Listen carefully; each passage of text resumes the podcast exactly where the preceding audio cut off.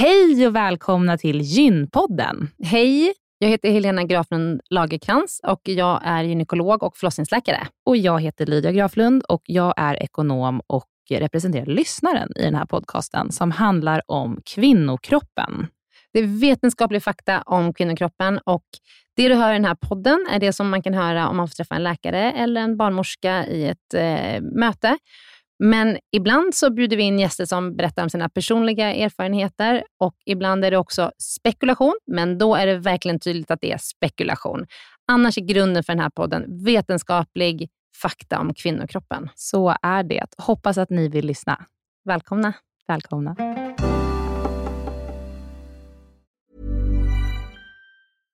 Ready to pop the question? The jewelers at BlueNile.com have got sparkle down to a science with beautiful lab-grown diamonds worthy of your most brilliant moments. Their lab-grown diamonds are independently graded and guaranteed identical to natural diamonds, and they're ready to ship to your door. Go to BlueNile.com and use promo code LISTEN to get $50 off your purchase of $500 or more. That's code LISTEN at BlueNile.com for $50 off. BlueNile.com code LISTEN.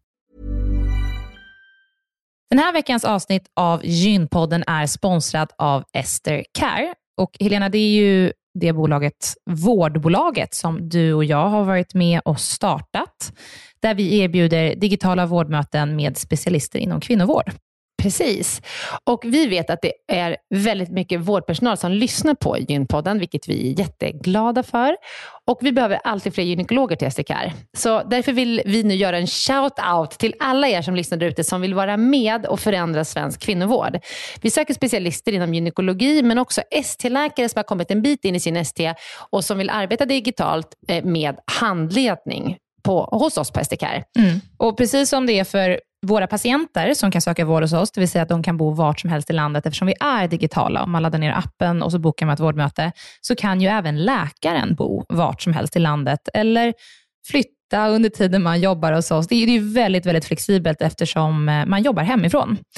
Och Jag tänker att det måste ju också vara helt underbart att som läkare kunna arbeta hemifrån och planera sin egen tid några dagar i veckan. Ja, verkligen.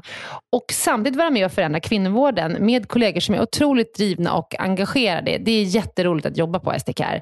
Och jag tycker att det här är en häftig grej som vi gör just nu, att vi erbjuder gyn, äh, gynvård i hela landet. Och vilka är de vanligaste patientmötena du tar, Helena? Ja, men det är ju klimakteriet, eh, PMS, eh, mensbesvär. Och det är ju såklart Eh, ärenden och eh, diagnoser som går att hantera digitalt. Men vi remitterar också vidare när det behövs mm. Eh, och tar labbprover när det behövs mm. och så vidare. Mm. Så gå in på sdcare.com, klicka på jobba hos oss i menyn för att läsa mer och skicka in en ansökan. Tack så mycket. Tack och välkomna.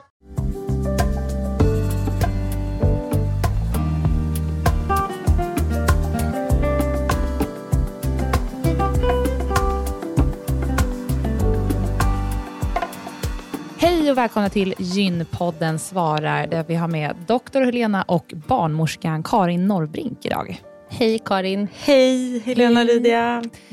Kul att ha med dig mm, Karin. Mm, det är så roligt att vara här. Vi har fått in en fråga om ett av dina absoluta favoritämnen, mm. amning.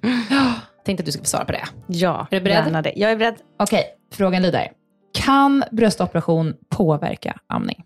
Ja, det kan det. Eller det beror på vilken bröstoperation man har gjort. Eh, men jag tänker att det man ska börja med är att veta att amning kan väldigt, det kan innebära komplikationer även om man inte är opererad. Så att är det så att man har gjort till exempel en bröstförminskning eller ett bröstlyft och amningen strular så är det inte givet att den hade varit komplikationsfri ändå. Man ska liksom inte beskylla den. Det behöver inte vara så. Det kan vara struligt ändå. Det är jättebra, för är, man känner sig väldigt... När amningen inte funkar så känner man ju ganska mycket skuld som mamma. Ja. Då ska man veta att det, det är inte alls säkert att det har att göra med om man har gjort en operation. Vad man har gjort innan Nej. eller efter eller under tiden eller så. Amning Nej. kan vara så ändå. Så jag vill mm. liksom börja säga med det. Sen om man tittar på population, alltså generellt efter olika typer av operationer, så kan man ju se att en bröstförstoring, alltså med implantat, det försvårar sällan amningen. För att då lägger man implantatet, rätta mig nu Helena om jag har fel, men innanför bröstkörteln eller bakom bröstmuskeln. Mm. Och där påverkar inte mjölkgången, alltså lägger implantatet där så kan fortfarande mjölkgångarna liksom ha passage fram, fram och ut. Så det, bröstförstoring brukar inte påverka amningen. Däremot förminskning, vad jag också förstått är att man har bytt metod sedan drygt tio år tillbaka. Så att om man har gjort en bröstförminskning för väldigt länge sedan så är det svårare att få till en amning än om den var ganska nyligen gjord. Och sen så beror det på vilken typ av vävnad man har tagit bort. Alltså man försöker ta bort bara fettvävnad, eh, eller så mycket som möjligt fett och inte så mycket körtelvävnad när man gör en, en bröstförminskning. Och har man då liksom lyckats behålla den här bröstkörtelvävnaden så, så går det bra. Men det är svårare att lyckas eh, med en amning när man har gjort en förminskning eller ett lyft. Men det ser bättre ut idag än vad det gjorde tidigare. Så kan man säga. Just det. Mm. Eh, och det finns ju bra stöd att få eh, och strategier och olika typer av amnings, alltså upplägg och eh, positioner och ställningar och sådär som man ändå kan eh, få hjälp med.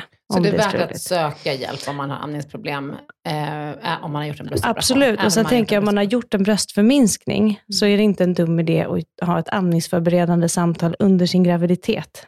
Alltså, vad kan jag tänka på? Mm. Vad kan jag vända mig? Och liksom ha gjort lite av en plan för det där under graviditeten, eller mot slutet av graviditeten, så mm. man har en kontakt att vända sig till. Mm. Just det. Ja. Mm.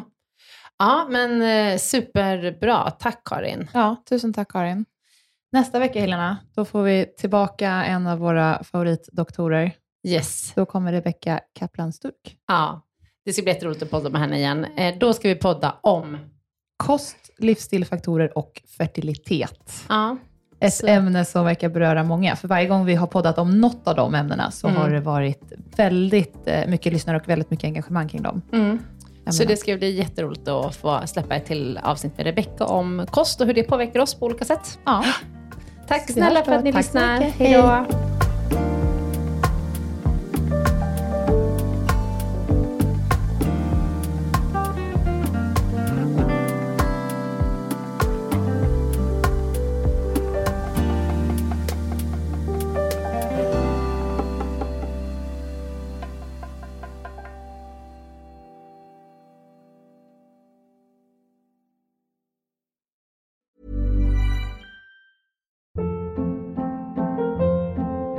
Hold up. What was that? Boring. No flavor. That was as bad as those leftovers you ate all week. Kiki Palmer here, and it's time to say hello to something fresh and guilt-free. Hello Fresh. Jazz up dinner with pecan-crusted chicken or garlic butter shrimp scampi. Now that's music to my mouth. Hello Fresh. Let's get this dinner party started. Discover all the delicious possibilities at hellofresh.com.